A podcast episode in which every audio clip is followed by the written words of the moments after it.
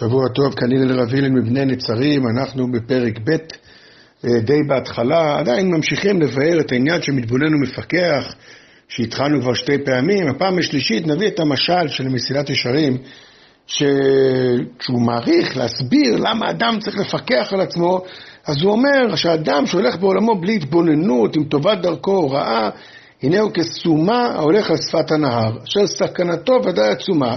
ורעתו קרובה מהצלתו. זה כל אחד מבין את זה, זה ברור לחלוטין.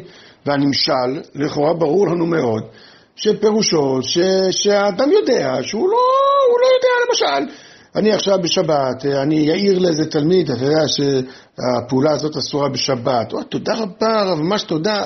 כולנו יודעים, התלמיד יודע שהוא עיוור בנקודה הזאת, והוא יודע שהוא שפת נהר בהלכות שבת, והוא יודע שהוא צריך להקשיב לרב, שכמובן מדבר אליו בכבוד ובדרך ארץ, ומאיר את עיניו שהוא לא יהיה סומה, זה כולם, זה פשוט, זה ברור, גם הציור הזה נתפס לנו סומה, אדם חלש, אדם יודע שהוא לא רואה, הוא יודע שהוא צריך עזרה, אז כל אחד צריך עזרה. והוא מקבל אותה בשמחה, אבל אני חושב שרמוז פה משהו קצת יותר מורכב. בגלל שזה לא חוכמה, לא צריך את מסילת ישרים שיגיד לך שאתה צריך לקבל עצה בדברים שאתה יודע שאתה לא יודע. עיקר החידוש בזהירות ובמתבונן ומפקח, וכמו שיורחב מאוד בפרק הבא, זה לא על מה שאתה חושב שאתה צריך עזרה, אלא מדויק בלשון פה על דרכיך. הדרכים זה לא המעשים, יש, יש סומה, עיוור, על שפת נער במעשים. אנחנו יודעים שאנחנו לא יודעים את ההלכה בדברים מסוימים, אבל יש דברים שאנחנו לא מעלים בדעתנו שאנחנו לא יודעים. הוא נקרא דרכים, מה שנקרא קונספציית החשיבה. כלומר, תבניות החשיבה שנוצרו אצלי והורגלתי אליהם, והם כבר אפילו מנסים להיות כבר ברורים, הם בכלל לא נתונים לשיפוט בכלל, שם נמצא הסומה על שפת הנהר.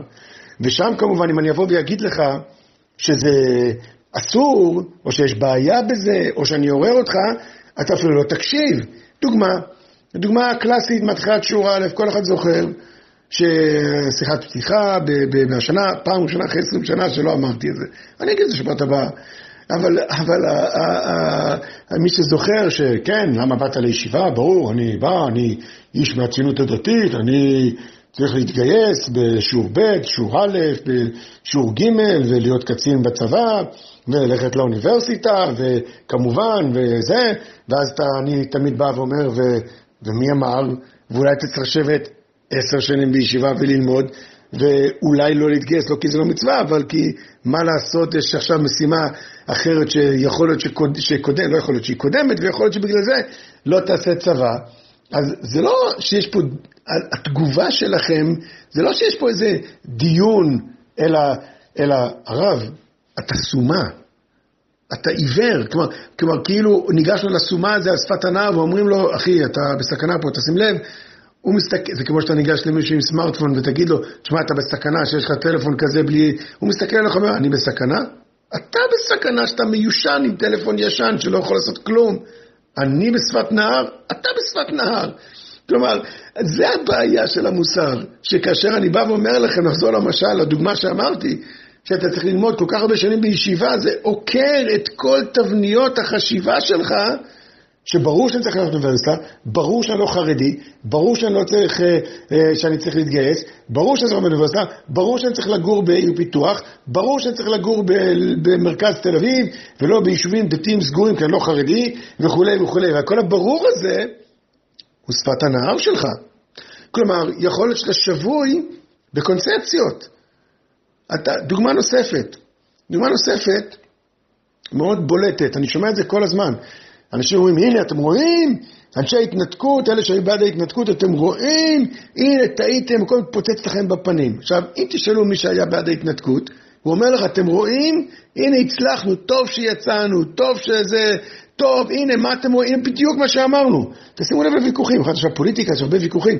תשימו לב, לפני הדיון לגופם של דברים, שתמיד יש להתווכח, הרבה מה להתווכח, תשימו לב, תלמדו מזה מוסר, שזה לא מתחיל מהמעשה, מה, מה אנחנו מתווכחים על משהו, אלא תבניות החשיבה שלנו. קונספציות החשיבה שלנו, הן לא מקבלות את, את הצד השני, ואז יוצא שאתה מתבצר בעמדתך, ואתה סומה על שפת הנהר. ואני אהיה יותר חריף, ונמשיך שבוע הבא, ונשאיר אתכם בשאלה. גם כשאתה ניגש לתורה ולומד, אתה כבר, זה כבר משחק מכור, נכון? ברור לך ש... שהתורה היא כזאת וכזאת וכזאת, ברור לך נולדת בני עקיבא, אריה לא חשוב כרגע עזרא, ברור לך שאתה הרב קוק, ברור לך ש, ברור לך ש, ובעצם, אז מאלה אתה קורא את התורה בעיניים שכבר ברור לך, כמו ששמעתי מהרב משה ליכטנשטיין, שהוא אומר, למה זה כשאני שואל רבנים, הוא דיבר על הציבור שלנו, למה זה כשאני שואל רבנים בציבור המכונה ציונות דתית, ברור לי כבר מראש מה תהיה התשובה שלהם. אני אפילו יודע, בלי שהם יפתחו ספר כבר, אני יודע מראש מה תהיה התשובה שלהם. אולי כי אין לנו אומץ, אני מדבר על רבנים קטנים, אין לנו אומץ בכלל לפרוץ את הקונספציות שלנו, אין לנו אומץ לקבל הדרכה ולהודות שאני סומה על שפת הנהר, אז את זה צריך להרחיב שבוע הבא. אז, אז מה עושים?